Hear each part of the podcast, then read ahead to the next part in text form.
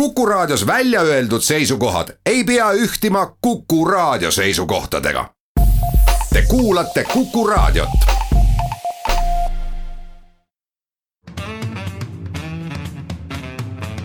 muuli ja Riikoja tere päevast, head kuulajad, kell on kaheksa minutit üksteist läbi, et on reedene päev, siis loomulikult ka saate Muuli ja Riikoja aeg ehk Kalle Muuli ja Hindrek Riik on stuudios. tere päevast. alustame tänast saadet eh, koroonaviirusega. teiseks räägime presidendi kõnest, eh, mis peetud siis Viljandis ja, ja vabariigi aastapäeval. kolmandaks katsume välja mõelda, kas Tallinna linnahallis saab lõpuks asja ja neljandaks äh, räägime veel kord apteegireformist, ehkki oleme küll unistanud, et ei peaks sellest enam rääkima, aga, aga EKRE äh, eelnõu apteegireformi noh, sisuliselt peatamiseks äh, kukkus siis lõppeval nädalal riigikogus esimesel lugemisel läbi. ja kuigi meile meeldib vast mõlemale mõelda, et väljaspool tööelu me ei ole spordikauged inimesed, siis siin saates tihtipeale me oleme spordist väga palju tihti juttu ei tee. aga täna räägime küll sellest, kes siis on süüdi selles, et Rally Estoniat tänavu suvel Lõuna-Eesti teedel ei toimu. Muuli ja Riikoja Eesti on murdnud ennast maailmakaardile, on saanud esimese koroonaviiruse juhtumi Iraanist tulnud Eesti alaline elanik, aga Iraani kodanik noh, võib vist öelda, et lesib parasjagu Lääne-Tallinna Keskhaigla voodis. loodetavasti paraneb ja küllap ta paranebki. Ja ajakirjanduses on lahti läinud väiksemat masti koroonapaanika tegelikult võiks ajakirjandus endale selles mõttes nagu väga tõsiselt otsa vaadata, et ega oleme me siinsamas meiegi toimetuses neid neid diskussioone pidanud, et kui palju sellel teemal rääkida. häda on selles, et kuna kõik meediakanalid püüavad nii-öelda nagu võimalikult kõik tahud ära katta sellel, sellel teemal, siis kokku tekibki üks hästi suur mull, millest sünnib lihtsa vaevaga paanika, milleks tegelikult ju siiski veel nagu põhjust ei ole, et eh, tegemist on esimese juhtumiga. ma julgen ennustada, et see ei jää viimaseks juhtumiks, aga väga suure tõenäosusega mingisugust suurt eh, haiguspuhangut Eestis siiski ei sünni et tegemist on ju ikkagi noh, ütleme tavapärasest pisut erineva viirushaigusega, millesse kindlasti peab nagu tõsiselt suhtuma, aga siiski mitte millegi nagu täiesti katastroofilisega, et selles mõttes. Selles mõttes võiks nii-öelda nagu, võiks ajakirjandus hoogu maha võtta, aga samamoodi võiks ka nii-öelda hoogu maha võtta riigiametkonnad, et noh, kõige kõige jaburam või kõige tobedam äh, soovitus, mis on nii-öelda riigi poolt tulnud, on ikkagi see, et, et kui inimene on tulnud kuskilt nii-öelda kohast, kus võib olla suurem riskiaste, et siis ta peaks jääma kaheks nädalaks koju. Et kuidas küll mõtlevad need riigiametnikud, et äh, eraettevõtted saavad endale lubada ja tavalised inimesed, töötajad saavad endale lubada seda. et nad lihtsalt kaheks nädalaks koju jäävad, et äh, see on ju absurd no astusin täna siia sisse, imestasin isegi, et töötate ilma maskita, aga te vist ei saa rääkida eetrisse kui see asi näo ees. tead, ma tegelikult hakkasin mõtlema, et põhimõtteliselt ju saaks, et igale ühele nagu personaalsed mikrofoniga kõrvaklapid. et sa siis selle mikrofoni paned siia maski alla ja teoreetiliselt oleks nagu võimalik. et peab sotsiaalministeeriumisse kirjutama, need arve esitama ja kui nad seda võimaldavad, siis hakkame rakendama. kui nüüd iroonialt tõsisemale minna, siis mina jagaksin selle probleemi kaheks. õigus on nii neil, kus, kes ütlevad, et noh sellel viirusel või sellel haigusel iseenesest ei ole midagi hullu, et paanitsete üle, et see on nagu gripp. ma ei tea, kas nüüd peaks hanerasvaga määrima, nii nagu valitsusliikmed on soovitanud, aga, või liige on soovitanud, aga, aga iseenesest ju haiguse poolest meenutab ta tõesti nii palju, kui ma olen lugenud äh, grippi või mingit muud viirushaigust. Eestis nimetatakse neid külmetushaigusteks ja ega ta oma ohtlikkuse poolest tõesti ta on, äh, praegu tundub nagu suremuse äh, arvude poolest äh, ohtlikum kui, kui gripp, seal on suremuseks on umbes kaks protsenti nakatunutest, aga no need on nii esialgsed andmed, et teab, kas neid tasub usaldada. gripi puhul on see umbes null koma üks protsenti ehk noh, tegelikult kahekümnekordne vahe. aga, aga üksikisiku tasandil ma ütleksin ikkagi, et on tegemist suhteliselt tavalise haigusega, mille eripäraks võrreldes gripiga on see, et pole olemas vaktsiini. ja tegelikult ei teata väga hästi ka, kuidas teda ravida. aga see selleks, aga teine asi minu meelest ja, ja see, mis teeb ta väga noh, tähelepanuväärseks, ohtlikuks ja miks temaga peab riiklikult tegelema. miks me peame moodustama valitsuskomisjoni ja tõsiselt, väga tõsiselt suhtuma ja võib-olla isegi noh, see kõlab nüüd halvasti, natukene paanikat üles kütma, on see, et kui ta meil siin tõesti lahti läheks, see nakkus äh, olulisel kujul, siis me oma riigiga satuksime väga suurde hätta kui keegi kujutaks ette, et siin oleks koroonaviirust sama palju, kui on grippi. ehk siis umbes viiskümmend tuhat äh, nakatunut aastas ja umbes viiskümmend surnut aastas. grippi sureb meil viiskümmend ja natuke rohkem inimest sellisel tavalisel aastal. Et ma arvan, et Eesti oleks siis maailmast ära lõigatud, isoleeritud, keegi siia sõidaks. meie majandus kukuks kokku alates hotellidest, transpordist lõp-, lõpetades ka toiduainete ja, ja, ja muude asjadega. et äh, ma sõnastaksin selle nii, et üksiku isiku tasandil äh, see ei ole väga ohtlik haigus, aga riigi tasandil on ta väga ohtlik haigus. et sellest, äh, sellest lähtuvalt. ega mõistlikud meetmed on ju täiesti õigustatud, et siin üritati eelmine, eile nagu ironiseerida vähemalt osades kohtades Lux Expressi üle, kes hakkas seda bussi desinfitseerima. kus siis see koroonaviirusega inimene nagu sõitis, et, et see, et bussi desinfitseeritakse, on on õige ja loomulik, et äh, tobe on sellest, tobe on see, kui sellest nagu meediatsirkus korraldatakse ja. Ja nii-öelda inimesed kõik tullakse vaatama, tuuakse seda, et. et äh, see, et äh, Politsei- ja Piirivalveameti oma teenindusbüroo kinni pani sellepärast, et üks inimene köhis ja tekkis kuskilt äh, hirm, et, et tegemist võib koroonaviirusega olla, tundub jällegi natuke nagu ülepingutatud, et. tegelikult nii-öelda nagu mõistus ja tasakaalukus on see, millele peaks rõhuma, mida peaks silmas pidama nii arstid, nii ajakirjanikud kui nagu tavalised inimesed, et. Et kaine meel on see, mis meid sellest asjast üle aitab, sellepärast et jube noh, ei ole ju ka ei ole ju ka mõistlik see, kui kõik inimesed hakkavadki paaniliselt kartma, et nii kui nad köhatavad, kurgus kriibib ja veel palavik ka on. et siis kohe nagu koroonaviirus on, et ega sellise massiga ei suuda ka meie meditsiiniasutused nagu toime tulla et kuidagi seda nagu tasakaalu on vaja, kui me välismeediat vaatame, siis seal on see ülereageerimine ammu juba toimunud, eks ole. väga paljudes riikides ja väga paljudes kohtades, ma saan aru, et Hiinas muretsetakse. ma saan aru, et natukene Põhja-Itaalias muretsetakse. Aga et ka kõik teised riigid nii hirmsasti muretsevad, inimesed poodi tõstavad tangu ja soola kokku ostma ja poeletid nendest tühjaks teevad. et noh, see on nagu liialdus.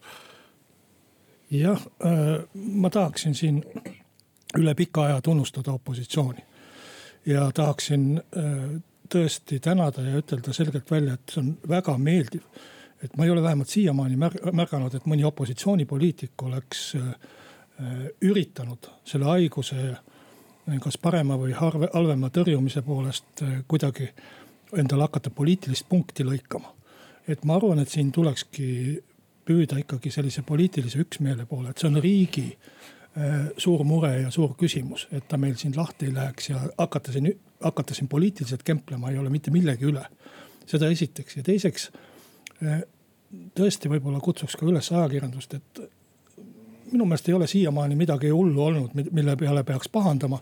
aga lihtsalt edaspidiseks, et, et ei oleks sellist tühja meediatsirkust, et me ei prooviks teha mingeid totakaid ajakirjanduse eksperimente sel, sellel tõsisel teemal ega prooviks kuidagi muud moodi nagu selle teema ümber lihtsalt vahtu kloppida.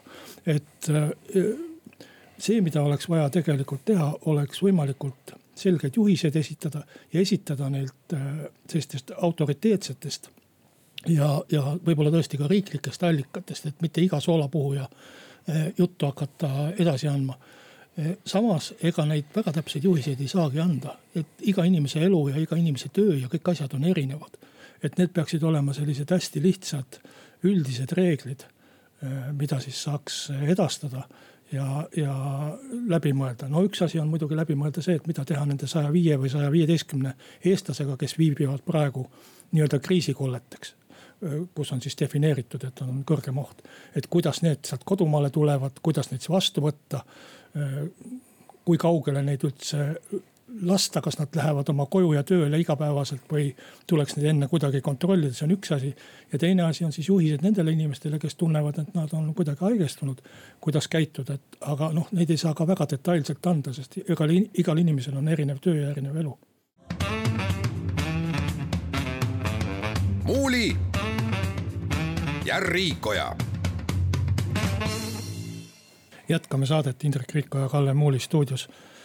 President pidas oma iga-aastase kõige tähtsama kõne kahekümne neljandal veebruaril eh, Viljandis vabariigi aastapäeva eh, vastuvõtul. Eh, nimetas eelmist aastat haiget tegemise aastaks ja kasutas siis kirjandusklassikat, igihaljast kirjandusklassikat. Andrest ja Peaarut, Sipelgat ja Rohutirtsu. rohkem vist neid kirjanduskangelasi ei olnud. Äh, äh, ja noh, eks kõne järelkajad ja, ja arvustused ongi keskendunud siis põhiliselt sellele, et kas president käsitles Andrest ja Peaarut õiget, õiges kontekstis, kas ta, kas ta tabas Tammsaret või mitte. et, et sellise koha peale on siis läinud see rõhk minul olid seda kõnet kuulates nagu siuksed kahetised tunded valitsesid, et ühest küljest ma olen, olen ma vist, ma arvan, et siinsamas saateski olen iga aasta öelnud, et minu arust võiks ikkagi teravamalt, minu arust võiks nagu julgemalt, et. et teravuse, julguse ja otseütlemise kohta nagu seekord ei saanud küll nagu midagi öelda, et kahuritest anti ikkagi nii-öelda täispauk. teisest küljest, kui me nagu üritame või, või kui me käsitleme presidenti kui sellist nii-öelda erinevate, erinevate osapoolte, erinevate rahvuste ühendajat, siis, seda tuleb nagu küll öelda, et, et kui nii-öelda mõtteliselt mõõta kaugust äh, presidendi vastuvõtu ja Tõrviku rongkäigu vahel, siis selge see, et, et need kaugenesid pärast sellist kõnet äh, teineteisest nagu kindlasti, aga, aga president rääkis äh, sellest, mis on temal hingel, seda, mida ta peab nagu oluliseks ta üritas seista nagu nende väärtuste eest, mida ta peab oluliseks seisma. ma ja noh, minule see laias laastus meeldis ja, ja, ja ma pean õigeks, et seda nagu tugevalt ja jõuliselt välja öeldi. ma muidugi ei saa mitte õigeks pidada seda, et, et opositsioonipoliitikud on muudkui käinud järjest näpuga ja näidanud ja valitsus peal, valitsuse peale, Taavi Rõivas ütles, et ta saab küll aru, mispärast Jüri Ratas siin ei ole. siin selles saalis praegusel hetkel ei ole ja aga minu arust oleks võinud ka muidugi opositsioonile nii-öelda nagu ka julgemalt ja, ja, ja teravamalt ja rohkem võib-olla tähelepanu pöörata nende käitumisele. aga kui president rääkis sellest, kuidas ei ole tsiviliseeritud diskussiooni ja sisulist diskussiooni Äh, parlamendis, siis see ei ole mitte ainult koalitsiooni probleem, muidugi on ta paljuski ka koalitsiooni probleem. aga täpselt samamoodi on see nii-öelda ka opositsiooni probleem, sellepärast et see, kuidas opositsioonisaadikud äh, erinevatel istungitel räägivad ministritega, mingisuguste koalitsioonipoliitikute esindajatega ja nii edasi.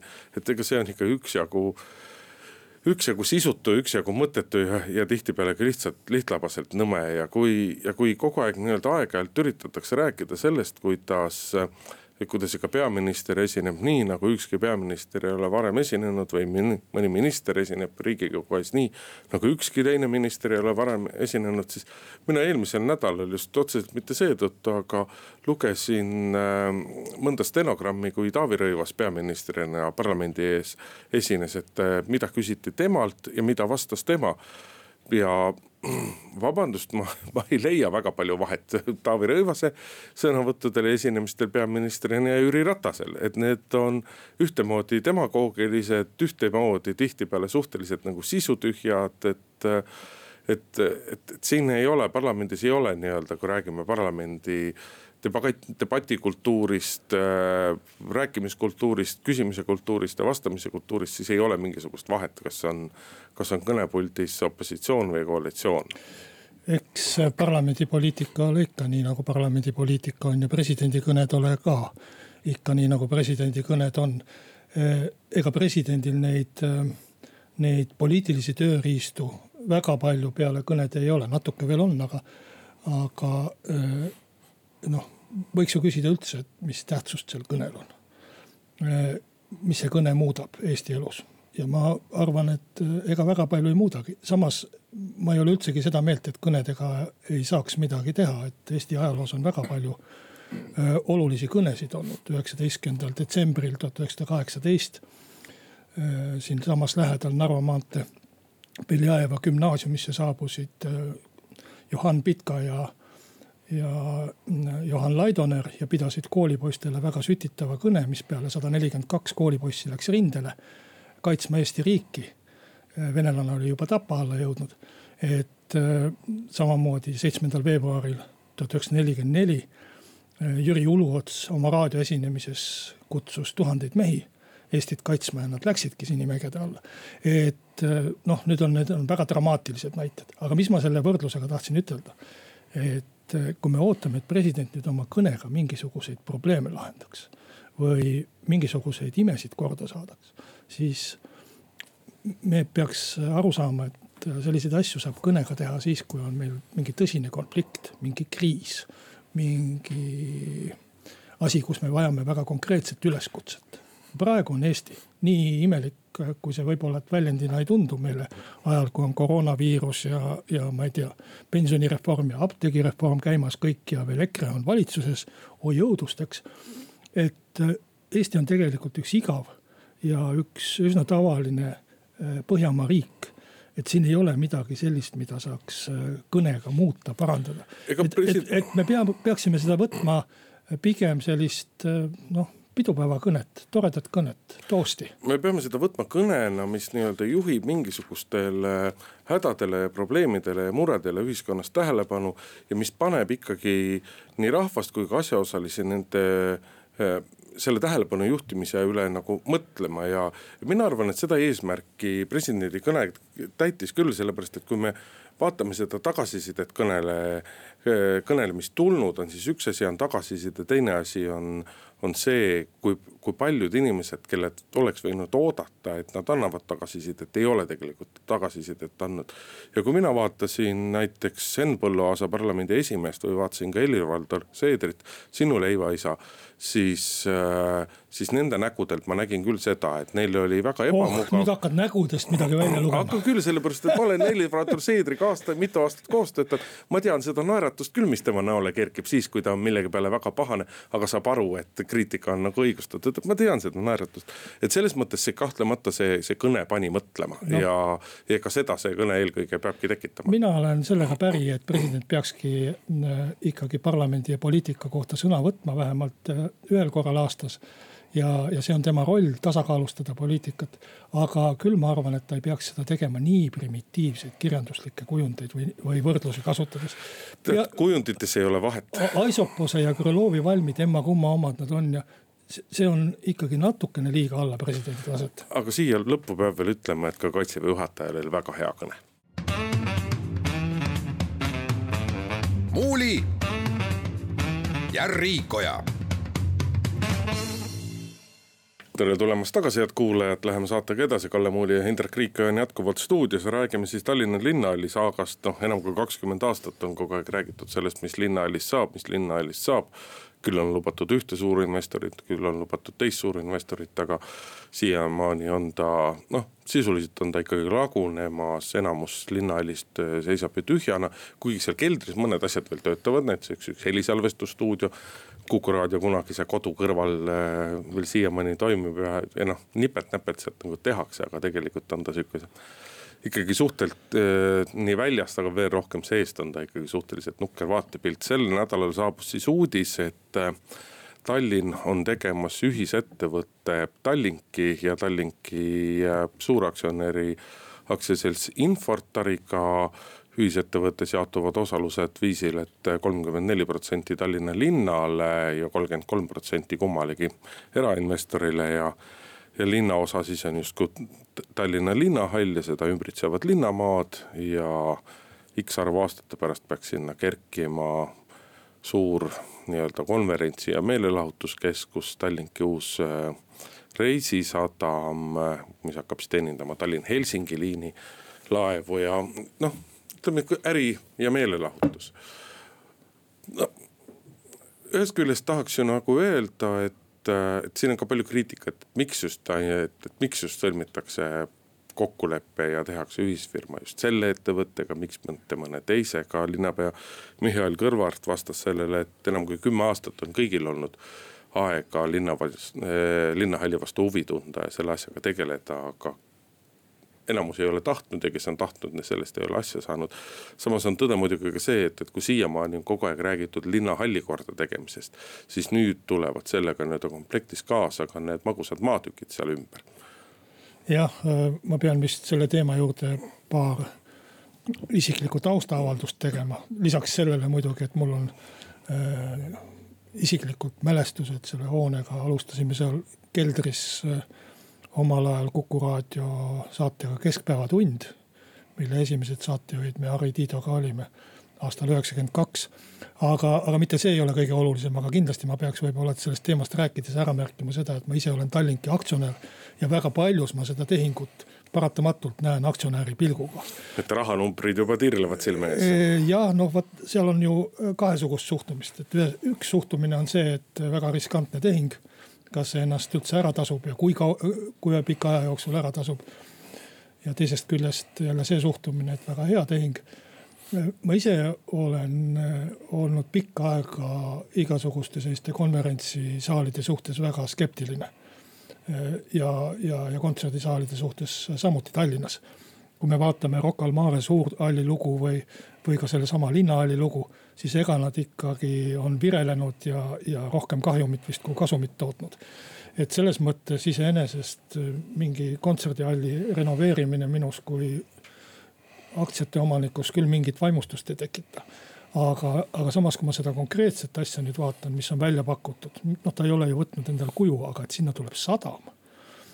ja Tallink teeb endale äh, ise sadama et see annab sellele asjale küll hoopis teise jume ja mina olen väga eh, positiivselt meelestatud, loomulikult ega ma ei suuda välja arvutada, kas see on nüüd kasumlik ja millised need riskid on. et siin ongi see, mis nagu tavalisel aktsionäril on, et kui ta juba on usaldanud oma raha selle firma eh, sisse, siis ta peab usaldama ka selle firma juhtkonda või siis sealt eh, ära tulema, nii et mina arvan, et kui, kui Hans Schmidt ja Pant ja Nõgene on neid asju arvutanud, et ega siis keegi teine ei oma paremat infot ega ei oma ka paremat arvutusvõimet. nii et ju neid peab siis äh, usaldama, nende raha on seal palju rohkem mängus kui minu raha. no küsitud on just eelkõige seda, et miks, et miks ei müüdud, et miks minnakse seda teed, kus linna poolt on linnahall ja maa nii-öelda mitterahalise sissemaksena ja siis kogu nii-öelda äh, investeeritava raha peavad eh, hankima erainvestorid ja kui palju siis erainvestorid peavad nii-öelda oma raha sellele alla panema, aga ega see tegelikult ei olegi nii-öelda päeva lõpuks kõige olulisem küsimus, et.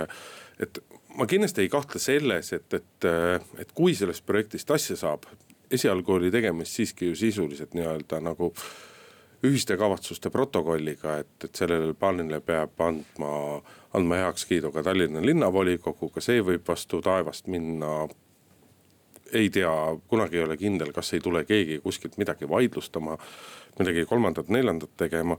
aga kui sellest projektist asja saab, siis, siis kahtlemata nii-öelda Tallinki ja Infortari omanikud teenivad sellest kõige rohkem, teenivad sellest rohkem kui linn, et lihtsalt need ettevõtjad on sellega silma paistnud, et nad teevad Nad teevad asju, nad teevad seda tihtipeale võib-olla sellisel harjumatul ja pentsikul viisil nende avalikud väljaütlemised äh, ei ole alati vast kõige võib-olla avalikkuse sõbralikumad.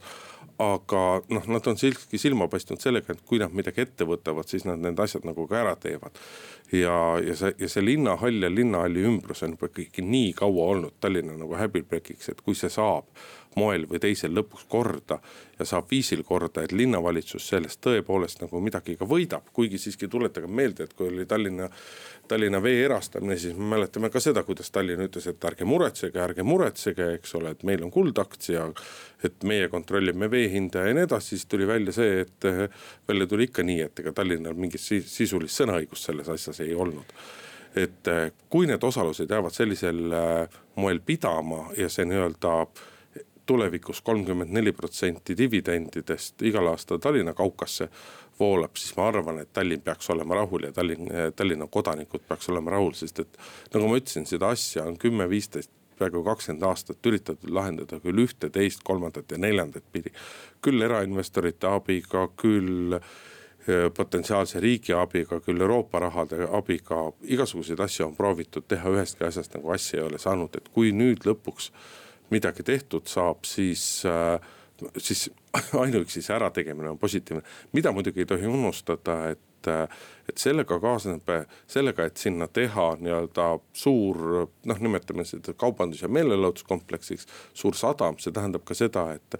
et ümber tuleb teha kogu sealne teedevõrgustik, juba on räägitud tunnelist, mis siis viib äh, kilomeetri, kahe või kolme kaugusele et äh, need kulud tuleb ikka eelkõige Tallinna linnal endal kanda, aga seda jällegi tuleks teha nii või naa ma pean ütlema linnapea auks, et äh, mida, midagi, midagi ei ole nagu äh,.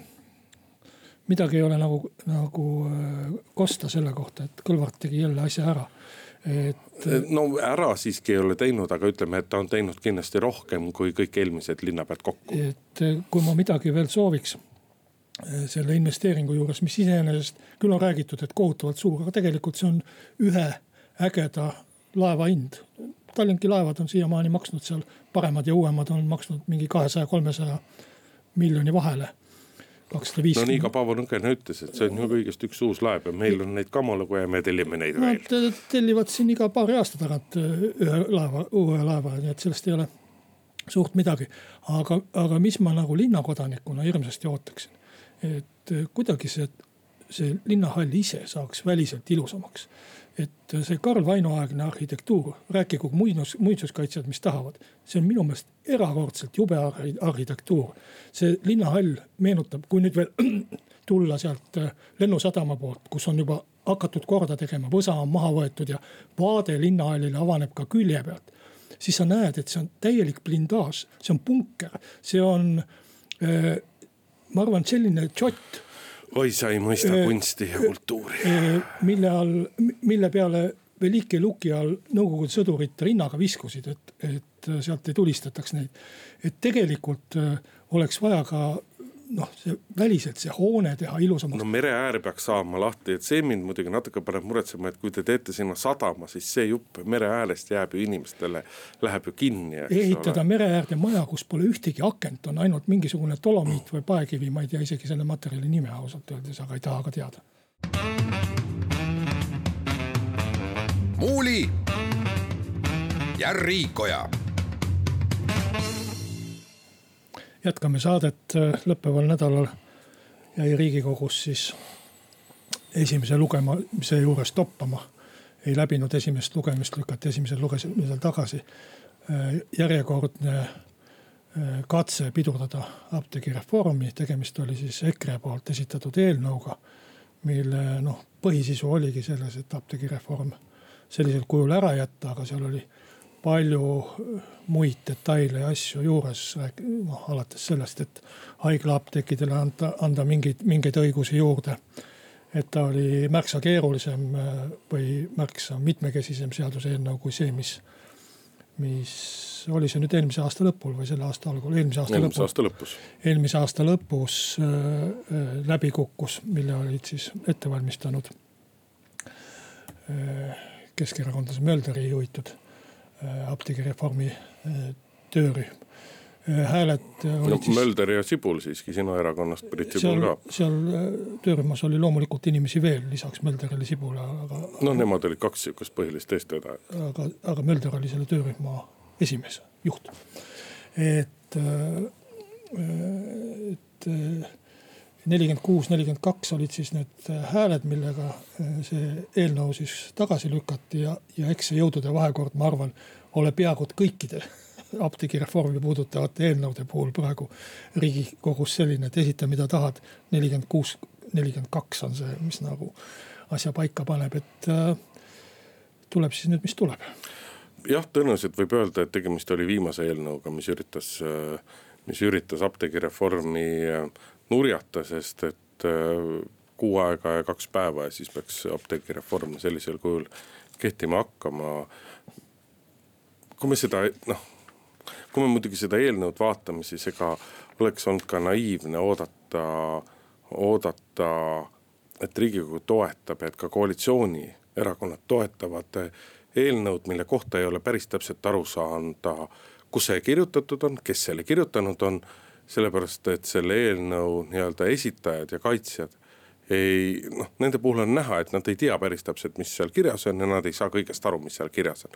ja nende endapoolsed nii-öelda nagu selgitused ja kõik see on, on ütleme siis nii-öelda nagu pehmelt öeldes kummalised ja, ja pehmelt öeldes nagu asjatundmatud. noh, ma arvan, et. See... et ma teen liiga või? ei, seda ma ei oska ütelda, aga ma arvan, et tegelikult ikkagi asja sisu on selles, et riigikogus puudub üksmeel ükskõik millise eelnõu suhtes, ükskõik kus see kirjutatud on. ja, ja ükskõik, kes selle esitab ja, ja, ja sõltumata sellest, kas esitaja saab aru, mida ta esitab või ei saa aru. et äh, ma ei, ma ei näe praegu, et riigikogus oleks seda üksmeelt, mis saaks joonduda ükskõik millise seisukoha taha. ei selle apteegireformi poolt ei tuleks praegu kokku äh, enamus hääli ei selle reformi vastu ei tule kokku enamus hääli ega ka mingisuguste nii-öelda poolt, poolikute lahenduste kohta, et, et lükkame osaliselt edasi või jõustame etapikaupa või, või teeme veel mingisuguseid trikke.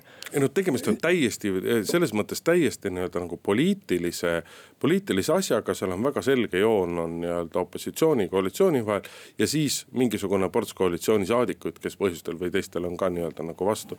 et noh, et, et et ilmaasjata ei ole tähelepanu juhitud Reformierakonna nagu käitumisele, et kui Reformierakond räägib sellest, et tema seisab turumajanduse, vaba et, ettevõtlusvabaduse ja kõigi ja võimalikult väheste piirangute eest. siis, äh, siis, siis see protsess on olnud, ma ei taha öelda, et äh, ma, ma ei taha praegu öelda, kummas suunas peaks apteegireform liikuma, kas praegune tee on õige või peaks seda muutma, mitte seda. aga Reformierakonna puhul on nagu pehmelt öeldes ikkagi arusaamatu, et kuidas nemad saavad toetada seda, et äh, et, et ettevõtlusvabadus ei ole nii suur, kui ta vähegi olla võiks. kas äh, nad tõesti räägivad praegu veel, et nad toetavad mingit ettevõtlusvabadust? Nad kunagi rääkisid seda ja kunagi toetasid ka. Äh, see, et nad ei toeta seda, see on juba ammu. minu arust nad rääkinud on sellest äh, kogu aeg ja ka seda, et nad nii-öelda, seda, et nende ideoloogia on olla võimul, et see on ka juba ammu teada. hetkel mulle küll tundub, et nad vähemalt sellest apteegireformist on võtnud selle hoiaku, et mida halvem, seda parem või ühesõnaga hääletavad nii, et ükski eelnõu läbi ei läheks. et see on see uba, aga ma arvan, et selles olukorras ei ole õige süüdistada ühtegi, ühtegi erakonda ja, ja kindlasti ka mitte Reformierakonda. omal ajal võeti kiirustades, läbi mõtlemata vastu üks seadus mille tagajärgi ilmselt ei osatud ettegi näha või, või ei tahetudki ette näha, kõigil oli kama, peaasi, et saaks vastu võtta. kui vahepeal nagu kangesti arvati ja, ja ennustati seda, et kui nüüd äh, sellest äh, reformist tekivad mingisugused probleemid, siis EKRE pöörab selle sotsiaalminister keskerakondlase Tanel Kiige vastu. siis muidugi viimased väljaütlemised kõik pigem räägivad sellest, et seda süüdlast ei hakata otsima, kuigi Monika Helme AK-s siiski ütles, et eh, kui küsiti, et kas nad toetavad näiteks Kiiga vabastamist, et kas sellest kukub valitsus, siis ta ütles, et oh, see on ju kõigest üks minister ja sellepärast valitsus veel ei kuku. aga, aga mingit sellist nii-öelda nagu põhimõttelist ja kindlat soovi praegu hakata selle abil Tanel Kiiga, Kiige oksa saagima, sest et Tanel Kiigega on ju veel hulka erimeelsusi EKRE-l, siis seda tõenäoliselt ei ole, et, et seda üritatakse Reformierakonna vastu pöörata. no ma ei kujuta ette, milles Tanel Kiik nüüd nii hirmsasti süüdi on et see reform on ju või see seadus on vastu võetud. No, sellised ratsionaalsed argumendid ei ole EKRE-t kunagi liiga palju kammitsenud. tegelikult ühte asja ma talle ette heidaks, minu meelest ta võttis algul vale hoiaku, suvel ta ütles, et äh, sotsiaalministeerium on reformiks valmis tegelikult oleks ta pidanud esitama oma selle eelnõu, mis ta lõpuks välja töötas, tulema valitsuse kaudu, püüdma valitsuses ja koalitsioonis kokkulepet saavutada ja selle siis läbi viima. aga kuna ma ei tea, kes talle sealt äh, ministeeriumist äh, siis, kui ta oli värske ja noor minister ja ametisse läks, ütles, et kõik on korras ja reform tulgu. ja ta hakkas seda avalikult nagu kordama, siis ta võttiski sellise algul vale hoiaku. oleks tegelikult pidanud ise võtma selle reformi ümbertegemise eestvedamise võib-olla siis oleks leitud üksmeel ja oleks leitud ka lahendus, aga nüüd enam mitte. muuli ja Riikoja. ja saate lõpetuseks räägime pisut ka Rally Estoniast, Eesti rallispordi suursündmus eelmisel suvel Lõuna-Eestisse pea viiskümmend tuhat inimest meelitanud spordivõistlus jääb ära ja ja nii-öelda avalikkuses on see siis pöördunud justkui nii-öelda Eesti Autospordi Liidu ja Rally Estonia korraldajate vaheliseks tüliks ja, ja üritatakse seda kogu aeg näidata kui Eesti Autospordi Liidu rahaahnuseks, kes äh, nii-öelda tundes raha lõhna, et Rally Estonia saab Eesti riigi käest ligi miljon eurot toetust ralli korraldamiseks, tahtis sellest sada tuhandet endale saada. noh, eks see tegelikult muidugi, kui rääkida, ma ei ole muidugi teab, mis suur äh, rallispordi austaja ise, õigupoolest jätab see päris külmaks, aga kui rääkida inimestega, kes seda valdkonda tunnevad, siis eks seal tegelikult on see vana nii-öelda isikutevahelised, isikutevahelised vastuolud, et et üks seltskond arvab, et teine seltskond ei, mõtleb ainult ühele ralli korraldamisele ja mõtle rallispordi arendamisele, teine seltskond annab, arvab teistpidi ja suhteliselt vähe muidugi on räägitud sellest, et kas nii-öelda juhtunul on osa, mingi osa ka Ott Tänakul ja, ja Marko Märtinil, kes justkui on ühed sellised nii-öelda noh, võib vist öelda, et Eesti rallispordi kõige mõju, mõjukamad tegelased praegusel hetkel, aga, aga lõppude lõpuks on see ikkagi küsimus nii-öelda inimeste, inimestevahelises läbisaamises ja selles, et kes arvab, et tema on tõeline rallispordi edendaja ja kes mitte võib-olla ma neid taustu ei tea, kuna ma olen ka üldse üsna rallikauge inimene. aga kui ma vaatan seda äh, raha seisukohast, mis, millele see on ikkagi avalikkuse ees ju praegu äh, taandunud ja neid põhjuseid nimetatakse just rahas. siis äh, ja, ja kui ma vaatan seda riigi raha seisukohast, mida on tõesti peaaegu miljon üheksasada kaheksakümmend või palju see oli, tuhat eurot, siis kui riik tahaks äh, rahastada Eesti Autospordi Liitu, siis ta rahastaks Eesti Autospordi Liitu. aga valitsus otsustas selle summa anda ju spetsiaalselt selle ralli korraldamiseks, Rally Estonia korraldamiseks. ja nüüd, kui tuleb Autospordi Liit ja ütleb, et andke sada tuhat meile, siis minu meelest ei ole see kui, kui see raha antaks nüüd Autospordi Liidule sealt äh, Rally Estonialt, mida õnneks ei anta, siis minu meelest on ka see tagaukse kaudu rahastamine. ja, ja see ei ole raha sihtotstarbeline kasutamine. sama hästi võiks ju seda raha siis veel kellelegi anda, mõnele organisatsioonile, mõnele spordiorganisatsioonile, võib-olla tuleb olümpiakomitee. no see on see vaata selline vaidlemise koht, et, et et selle jaoks, et Rally Estoniat teha, et oleks rahvusvaheline võistlus ja et tast teoreetiliselt võiks saada WRC etapp. selle jaoks on vaja, et EAL oleks seal pundis, eks ole. ja EAL-il on õigus küsida ka nii-öelda tasu rahvusvahelise ralli korraldamise eest. saan, saan kõik aru, aga kui seda tasu suurust muudetakse pärast seda, kui see tasu või valitsuse poolt on see raha eraldatud ja teatakse, et selline raha on tulnud. siis, siis ma arvan, et see on maksumaksja raha ebasihtotstarbeline kasutamine et täpselt sama hästi võiks, võiks mingid firmad veel, kes on seotud, küsida endale mingisuguseid summasid ja nii edasi. et see raha ei olnud ette nähtud selleks, et seda maksta Eesti Autospordi Liidule. jah, aga samas selge on ka see, et see sada tuhat eurot ei olnud ka see, mis Rally Estoniale saatuslikuks sai, kuigi seda üritatakse näidata, et väga paljud inimesed on veendunud, et, et tegelikult sai ralli korraldamisel saatuslikuks see, et Ott Tänak ei tahtnud sinna nagu sõitma tulla ja ilma Ott Tänaku osaluseta seda rallit korraldada. noh, võib, aga kindlasti see tähelepanu, publiku arv ja avalikkuse, avalikkuse huvi ei oleks nagu nii suured ja samas seda nii-öelda Tänaku kaarti ei ole tahtnud ka keegi välja käia või välja öelda, aga siinkohal tõmbame tänase saate otsad kokku. Kalle Muuli, Hindrek Riik olid stuudios, nädala aja pärast kuuleme jälle. Muuli ja Riikoja